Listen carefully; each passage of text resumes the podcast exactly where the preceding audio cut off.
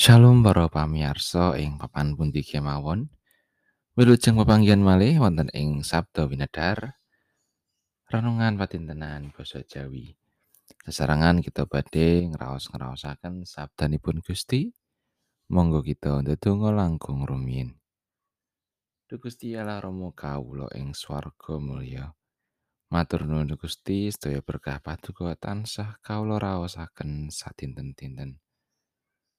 Duh Gusti ing medal mirunggan menika manah kawula sampun sumadyo badhe nampi sabda paduka.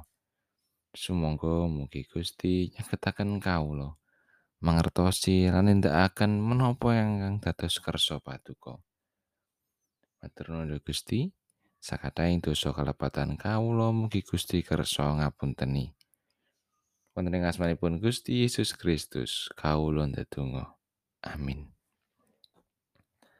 Wawasan kapendet saking Injil Lukas bab sedasa ayat selawe ngantos tigang dasa pitu.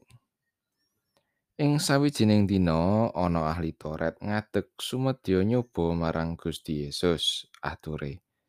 Guru, menapa ingkang kedah kula lampahi amrih kula angsal gesang langgeng?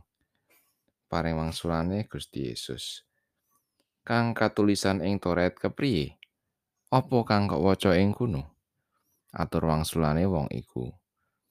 Kowe tresna marang Pangeran Allahmu kelawan gumulung ing nyawamu sarta kelawan sakabehing kekuatanmu. Apa dene kelawan gumulung ing budimu lan marang sepawadamu dikaya marang awakmu dhewe. Pangandikane Gusti Yesus marang wong mau. Wangsulanmu iku bener. Iku lakonana temah kowe bakal urip Nanging sarene wong mau arep benerake awake dhewe, mulane banjur matur marang Gusti Yesus. Lajeng ingkang dados sesami kula menika sinten? Paring wangsulane Gusti Yesus. Ana wong lumaku mudhun saka ing kutha Yerusalem menyang ing kutha Yeriko. Iku tumiba ing tanganing begal. Banjur ora mung dibrejeti wae, nanging nganggo dipiloro nganti setengah mati nuli ditinggal. Kapinujon ana imam kang liwat ing kono. Bareng weruh wong mau terus lumaku wae metu ing sabrange dalan. Mangkono uga wong Lewi kang satekane ing kono lan weruh wong mau iya mung lewat wae metu ing sabrange dalan. Tumuli ana wong Samaria kang lelungan uga liwat ing kono. Bareng weruh wong mau ternyuh atine marga saka welase. Wong mau banjur diparani, tatu-tatune diperban. Sawise mangkono, nuli dikopoh lenga lan anggur. Banjur ditunggangake ing kuldine, digawa menyang ing panginepan sarta dirukti. Esuke kang duwe panginepan diwenehi dhuwit rong dinar sarta diweling. Tiang menika kula aturi mula sora. Bab ragatipun langkungipun saking semanten, kula ingkang badhe nglintoni benjing menawi kula wangsul.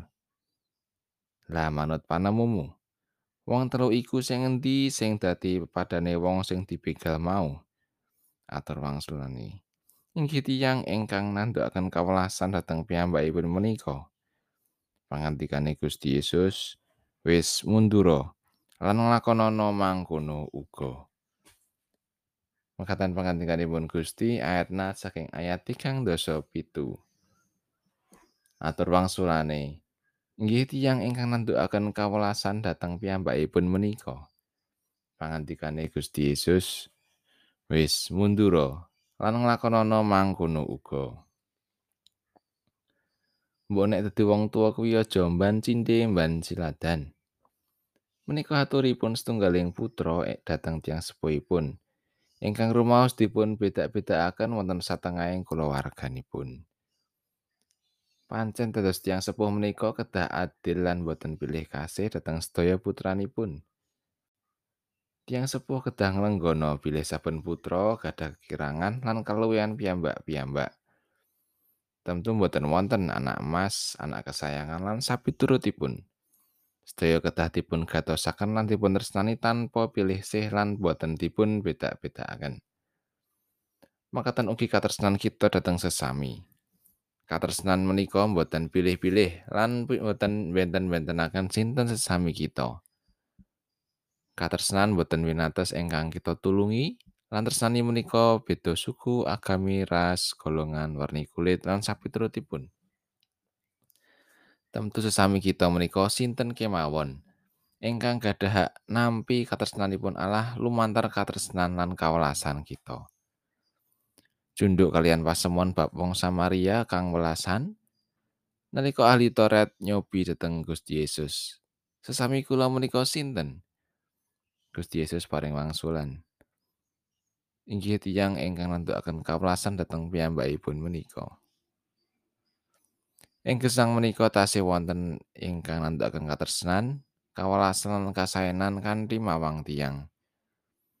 Menawi boten tunggal agami boten kula tresnani. Menawi boten tunggal suku boten kula welasi. Menawi boten tunggal golongan boten kula tulungi lan sapiturutipun. Katresnan menika dados identitas lan jati diri pandherekipun Gusti Yesus. Mugi kita sami kasagedna nantukaken katresnan dhateng sesami kita tanpa mawang tiyang.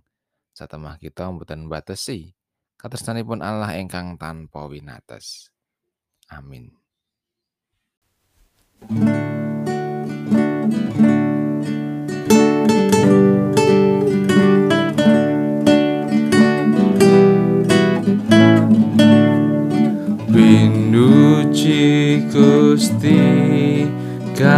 nitaken jagat siang ratri tan kendat ganjar siramat.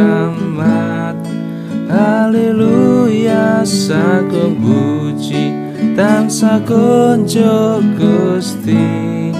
Haleluya sagung bekti pring ratu swargi